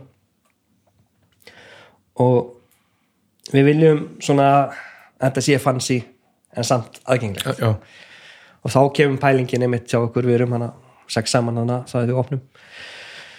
Þá kemur einmitt pælingin hvað við ætlum að láta þetta heita. -hmm. og koma miljón hugmyndir það var ekki fyrir en einhver, ég held að Ari sem var hérna frangastöri hjá okkur mm. kemur með nafni hérna. Við vorum ég eitthvað að tala um Guns N' Roses og hann segir Ducks N' Roses. Og ég, og þá allir hlægi og allt í nú er ég bara, en sko það er þú veist, af hverju ekki? Duck er eitthvað sem gengur um til kvölds. Já. og við erum með, þú veist, vorum búin að ákveða að vera með mikið andarættum sem myndir ganga frá mánu til kvölds. Og Rose er alltaf, við vorum búin að ákveða að vera með já, þannig að við vorum bara, ákveð ekki. Já. og síðan kemur Ducks and Roses. Þá var bara, nei, það er svo líkt. Guns N' Roses. Guns N' Roses. Þá þarf það að vera með logoið eins og Guns N' Roses. Já, og síðan fyrir við að uh, skoða eitthvað úti og steina minnum upp á stöðum í London er einmitt Duck and Waffle. Já, og Duck and Rice. Þannig að við, það er svona, það segir alltaf mikið nafnið. já, og við bara, en okkur fyrir við ekki bara sömu átt og þeir? Já bara, sta- það- nafni staðsettur grúk svolítið þar. Já, já, og þá er Duck and Rose. Það er bara bara ekki ekki en koma það er bara hvað þessu kokkimæður er að opna í svona randirast, dýrasta, sennilega dýrasta blettibæjarins þegar að staður sem búin að vera Já, eh, hafiði já, þá kemur Excel dæmið sko, eins og ég segi. Eh, ef þetta meikar sens og Excel þá meikar þetta sens. Já, og við fórum inn í rísa sumar samt með takmarkunum um Já, aldrei, sko, Döggar Rósi hefur aldrei verið opið eins og áður opið. Nei, það sem bjargaði náttúrulega bara öllum veitingabransanum með fyrir sem hafa gott veður sko. Já, einmitt. En við hefum ennþá sko, planið er að vera með opið til 1-2 á nætunar já, með DJ og svona bara samt kóktelklúb ekki dansandi eða eitthvað svona bara kóktelklúbur eftir service. Veist, við hefum ekki einu svona árið setna erum við ekki múin að opna nákvæmlega. þannig að við eigum það allt inni. Uh, já, við, maður settir það bara upp í Excel ásamt hinnum og maður sá hvað maður gatt tekið til í, maður sá hvað maður gatt haft launakostnaðin í. Og við höfum bara verið að vinna í því allan tíman eins og þetta hefur verið, hefur bara gengið svona fram og tilbaka. Já, en við erum þegar þegar við förum úr þetta er ekkert við erum ekki illa stattir mæni en þegar við förum út úr þessu þá eigum við svo ótrúlega mikið inni. Já, já þegar að koma aftur túristar. Ég er bara þegar við ekki erum opið. Lengur, það er bara leið og losna við einhverju takmarkanir. Já, það eitt og sér er nóg til þess að en þessi, þetta er besta hot bæjarins, það er ástæð fyrir þetta er með dýrar honum bæjarins er út af því að þetta er besta hot bæjarins. Þú ert með á þrjá vegu glugga, þú ert með hérna austuvöll, Mhm. þú ert það sem all lífið er. Þú veist, þetta er já, bara um leið og ekki með smá sólingesli þá kom gott veður undir fyrir utan sko. já, alveg bara 100% og það sem þið gerðu sem ég held að hinn er gert var að setja hittar undir markísunar nei, þau voru, voru þeir, þau voru já, ég er bara að setja hann í skýta kulda í fyrir sumar undir hittaranum og það var bara super næ sko. já, já, við hérna og við höfum alveg veist, og þegar við förum inn og já, þegar við förum með mitt inn í hérna Dögnur Rós, þá fer ég og hef samband við Kjarval um að gera samning með þeim eða, þú veist, raunur að vera já, kjærvalstofu Kjarvalstofu, já, að hérna vinna með þeim. Kjarval stóðar hann, Kjarval er heitir ekki Kjarval bara, vinnu, vinnustofa Kjarvals. Vinnustofu kjærvals já. uh, já, og við raunur að afgrifa mat upp til þeirra Já. og veislur sem er alveg bara mjög mikið að gera í og bara mjög gott samstarf með þeim, Haldani og Kó og við erum já, við gerum það og síðan stopnum við líka samtök félag veitingamanna við Östuvöll já, já. Sem er að þrýsta þá á þessi og svoleiðis. já, í raun og veru við erum bara að berjast fyrir þú veist, Östuvöllur er þekktu fyrir mótmæli. -hmm. við viljum það ekki. Nei, og mótmál og róna. Mótmælur svona þetta er þessi tveir aðalhutir og, og við erum að le leitast eftir le- leiðum til þess að losna, losa okkur við þá. Þann stimpil. Já. og það hefur með að vekkurum verið fjallaði núna fyrir fyrsta mæ -hmm. þá gerir það fyrir að rónunum fækki. Já, það færi sig aðeins það færi sig allan aðeins. Síðan kemur hugsalega eftir að sækja vísu um það en hennar tónleikaröð á Ístuvelli í sumar. Að, Östuðlur er líka honum geggjar, þetta nýja hótelina er ógeðslega vel hefnað, frábært. Ógeðslega gaman að sjá hvernig það speglast um hótelborg þú veist það er bara samútlit algjörlega. Svo þessi klukka, þetta er að vera alveg þetta er mjög, mjög vel hefnað sko. Já, ég held að þetta verði bara og leiðu við náum að opna út, þá getur maður að fara að mæta með börnin. Já. Ég man oft eftir því að maður var svona minn var yngri sko, þá man ég eftir því að við nefndum ekki að fara á Östuvöll út af því að hann gati ekkert gert þar, hann var bara hann þurfti bara að sitja með okkur. en eða búið að opna út, þá getur hann fara að hlaupa eins og já, getur fylgst betur með og, og einmitt og þarft kannski ekki að fylgjast, vel, fylgjast þess vel með ef það er allt bara það er ekki sprautufíklar fjöl já, maður er Bara grein, sprautufíklar já, og þetta bara er allt saman. Þetta eru sem sagt er eitthvað meira á brjónum nei, er þetta ekki bara gott eða? ég maður stoppar aldrei svo sem það er það er um leið og maður orðin óþarfur þá, þá fer maður að um að krælir og óþálum að ég vil tengi harkalega við þetta sko. Nei, við, maður er bara opinn fyrir öllu en, en ekki að sækast þetta niður Nei. maður skoðar þetta Nei, ég tengi mjög harkalega við þetta sko. ég hef náttúrulega búin að gera karriér úr því undanfærin ára að opna veitingastæði fyrir alls konar fólk sko. Þannig að, veist, að koma ykkur á stað það er eitthvað svo ótrúlega hérna hvað ég maður að segja, það er svo gefandi sko, Já, líka svo spennandi. Hefnast þetta eða hefnast þetta ekki? Og ég vil eitthvað hefnast þetta sem betur verið sín í 13 já, já. Nei, þetta er líka, já, eins og segir maður er, að, maður er svona að ausa af sér einhverju svona þú veist, allir staðir hafa maður með einhverju hugmyndir um mat eða eitthvað og síðan alltaf getur maður takmarka gert einn, þannig að maður getur aldrei gert þetta á þess að vera með líka réttafólki með sér. Já, já, eins og, eins og Siggi á Brúdók og Magga og þú veist, það er, já og bara síðan og núna er bara minnast á kokkana ég er kokkur sjálfur en það er líka þjónar hennar bakvið Mhm. sem eru allir frábærir. En að, já og mitt public house ég er búin að minnast á það líka.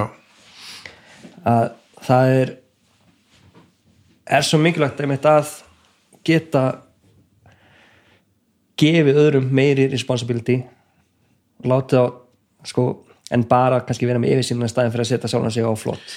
Já og svoleiðis líka held ég, bara það er mín kenninga minnstu kosti, að svoleiðis líka veist, hættu að ljóma eins og einhver vilsingur sko, það, þú færið miklu meira út hverjum starfsmanni ef hann hefur eitthvað mál að segja. Algjörlega, bara 100% Já, og fær að nýta sína kosti og hérna þú veist, ég held, held bara að sé og raggi mættur en hérna hvað með engalífið, þú ert hérna, þú ert familju. Já, já konu og barn. Já, og ég veit ekki hvernig Eitt barn? eitt barn, ég veit ekki hvernig hún ennur þessu sko. Nei, nei, auðvitað er þetta hérna sko ég get náttúrulega aldrei gert neitt af þessu nema ég hefði stunningin hennar sko til þess að sjá um húsið eða heimilið sko. En þeir eru náttúrulega búin að vera saman berjast í þessu í svolítið tíma, ekki? Bara, jú, jú, jú, jú, við, við erum búin að vera síðan 2005 saman. Já, búin að þekkja síðan 97 og hún tekur fullan þátt í já, já, hún bara, hún veist ég fæði ráðgjöf frá henni og ef það tengist einhverja hönnun eða einhverjum pælingum þá tala ég við hana líka og starfsm, ég tala við henni um allt. Bara svona góðum makkir Já, hún baði mig að ræða við hérna, alls konar mál sko, sem við fórum aðeins yfir, við hittist og, og barnum í daginn og vorum okkur dálítið hérna, ég var að segja neðan í Nei, það fór að minnast á sko, sem að ég veist ekki, vegna þess að hún fór að tala um eitthvað sem að hún hafði hlustað á þettina og vita að það væri hjartasmál hjá mér, það er alls konar svona jafnbreytsmál í bransanum, já, sem að mér finnst, finnst mjög gaman að geta að tala um og af því mér finnst það svo mikilvægt. Og þess, og ekki bara, bara kynniðarbreyti, heldur bara svona hvernig við getum gert þennan bransa fjölskyldvæðni af hverju til dæmis er, er það svo leiðis í okkar bransa að fólk brennur út þrítugt? Já, þetta er bara, þú veist, auðvitað þarf að taka á þessu. Þetta er, við vitum alveg okkur. Og Já. það er bara, fólk getur ekki átt sitt engalíf, það getur ekki það er bara allir að vinna alltaf. Já, og, en- og sko- síðan eignast fjölskyldu og hvernig ætlar að sjá um barnið Já, allt þetta. Ég er að vinna þessi því á öllum stöðunum. Og er raun og veru að ráða fleira fólk. Ég vissu, var smá stoppað því núna út af Já, en hérna gæla marka. Ekki alveg marka en að að ráða fleira fólk til þess að geta bóðið fólkinu upp á styttingum vinnu, vin- vinnuvikunar farin er í 160 tíma. Það er hérna, það verður bóðið fyrir alla starfsmenn. Ná, svo líka þetta sko, af því það er þessi, sko, fólk brennur út í, í veitingabransanum snemma. En svo fólk sko löggur og læknar og hjúgrunafræðingar og það, það er alls konar fólk í vaktafinu -hmm. það brennur ekki svona rætt út sko. Nei, ég held ekki áfengið. Áfengið og það ég, ég, myndi, myndi alltaf það. Jú, jú, ok, það geti verið, það er, það er hérna, eitthvað svona rockara lífstíl sem fylgir svo svolítið sko. En já, það er, en, já, algjörlega. Nei, ég, svo er svo sem ekki með algjörlega svarið. Ég er svona dettu fyrst í hug áfengið en ég held að sé nefnilega líka bara hérna álag já, en þú veist, eins og þú segir lögreglumenn og Já, hjúkrafræðingar en það, það er við, við erum, þú veist það, eru, það er ekki óæðilegt að gera kröfu og hefur ekki verið, það er sem betur verið er þetta nú alltaf breytast. Það er ekki óæðilegt að gera kröfu að þú vinnir uh, 15 dagi í mánuði í 14-15 tíma í einu. Nei, það er öðrunum normi í dag. Það er normið og sko við þurfum að breyta því. Já. það er alveg, þú veist, það er að vinna 12 tíma á 15 dagi í mánuði, það er bara fínt. Það er bara, þá bara nærða að kvíla þig þegar þú ert í frí og eitthvað og þú ert alltaf búinn þú ert búin að ákveða að vera í þessum bransa þá ertu búin að ákveða að þú missir af alls konar að því þú ert að vinna öðrum tímum heldur en aðrir. Ég held að samt þetta recovery þú veist eins og þetta vaktakerfi í dag vinna mánda þriðudag frí, mjög til fimmtag Já. vinna fyrsta lögut sundag þú veist að taka 36 pluss tíma á einni helgi. Já, það er helviti mikið. Mánudurum fyrir alltaf recovery. Já, þannig að þú ert búin að missa þá eitt frídag bara út af recovery. Já, þetta gengur ekki, sko. það þarf að breyta þessu. Það þarf að að hafa sunnudag, mánda og þriðudag sem þryggja dagavaktina eða, eða vera með þannig rótölda vaktir að þú fær frí á sunnudagum eða eitthvað svoleiðis. Og ég bara að reyna að stilla upp fyrir mér staði. Já, líka bara til þess að geta átt ellert fjölskyldulíf, sko. Já, og þá líka getur fólk þá endist fólk lengur í þessu, sko að því okkur vantar fólk. Já, já, það er bara maður raulist þetta fólki, jú, jú, mikið um umsögnum núna en, en genum tíðan hefur ekkert verið endilega mikið um Nei, hæfar umsónir, maður, maður fær kannski margar umsónir en, en maður kannski býðum flugvel og maður fær kafot Já, en okkur, þú veist, okkur vantar fólk hérna bransa þannig að það er svo, svo, svo mikilvægt finnst mér að við veitingafólk og hérna, við gerum allt sem við getum til þess að gera fólki kleift að sinna þessu starfi lengur. Mhm. Þú veist, að, að hérna, og sérstaklega þú veist, konur stelpur þetta miklu, miklu fyrir út. Já, það eru það- barnanir, eða ekki? ha, það er út af barnanum, eða ekki? Jú, en við eigum alveg börn líka sko. Já, þú veist, það þarf yfirleitt í flestum tilvöldum þarf bæði kall og konu til þess að búið til barn og eiga barn. Já, já, og í rauninni ætti það að vera svoleiðis að við eigum þetta barn saman og sjáum um það saman. Algjörlega. Þannig að hérna ef að ef að kall og kona eru bæði í vaktavinnu eða annað í vaktavinnu þú veist, þetta, þú veist. Ég er bara algjörlega Svo- samanlega, þetta er, er galið veist, fyrsta svarið mitt, já, út af það sem er, það er rétta svarið en það á ekki að vera rétta svarið. Akkurat, það á að vera, veist, auðvitað kallar og konur að þetta jafn mikið út þótt að séu barninir. Það er, eða raun og veru þá bara þarf að vera þægilega umhverf til þess að geta einhvers barn, geta átt fjölskyldulíf. Já það þarf líka að vera bara þannig að kallar og konur veist, þegar að kemur, þegar að kemur barn inn í samband gefum okkur að það sé bara heteronormatíft samband þar sem eru kall og kona sem er hlut að þá þarf ábyrðin að vera jöfn. Já, til þess að vin, sko út á vinnumarkanum til þess að gangi upp. Algjörlega.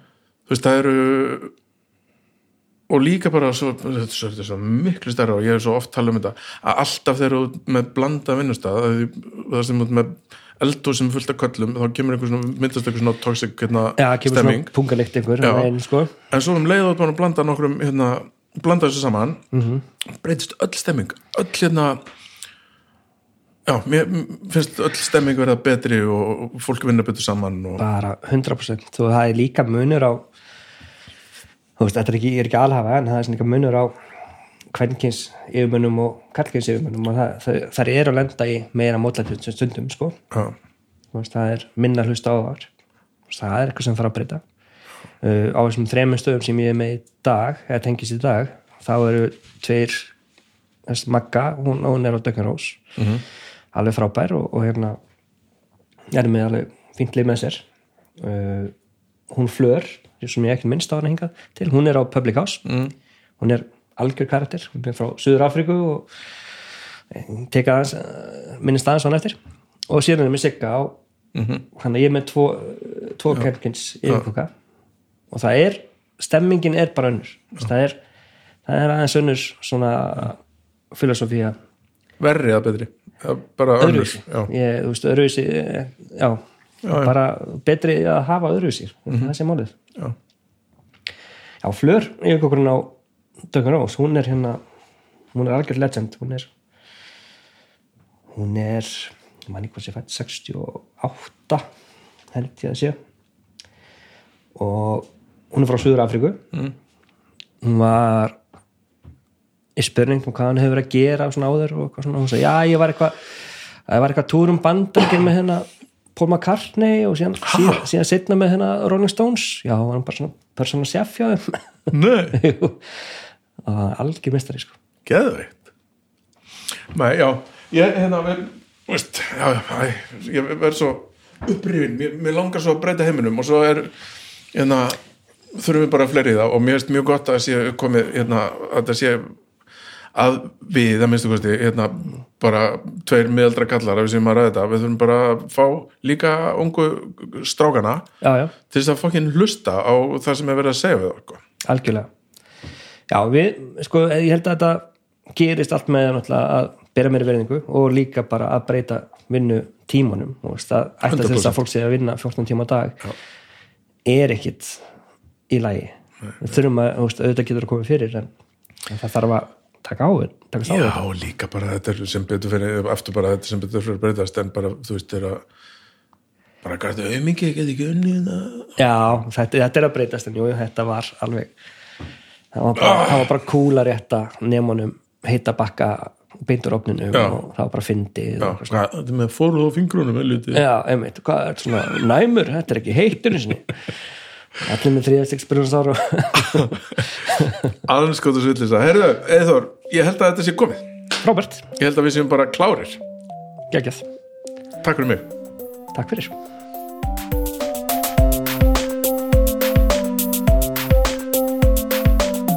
Jepsi Pepsi, hann er fór nú það og, og já, gaman, mér fannst þetta skemmtilegt og bara enn og aftur bara vil ég að við hugsum um hvernig við getum lengt einhvern veginn eh, starfs eh, já, hérna hvað er þetta, starfslíf fólks í veitingbransunum, svo fólk sé bara ekki að brenna út og, og, og við séum ekki að missa fólki í, í annað, við þurfum bara að hugsa um þetta. Uh, já, já, við þurfum ekki að tala um neitt meira heldur en að vanda held ég að það sé algjörlega mjög mikilvægt að minnast á það að þið getur hlustað á hljóðkirkjuna alla þá frábæri þætti sem hljóðkirkjan hefur upp á bjóða. Nú til dæmis þar sem þið fundu þetta hlaðvarp eh, eða þar sem þið venjulega finnið ykkar hlaðvarp, hvort sem það er Spotify eða Apple Podcasts eða já, ég man ekki eftir neinu meiru en það er fullt annað til. Uh, endilega hlusta á það vegna þess að hljóðkirkjan býður upp á hvorki meira en minna heldur en átta þætti í viku.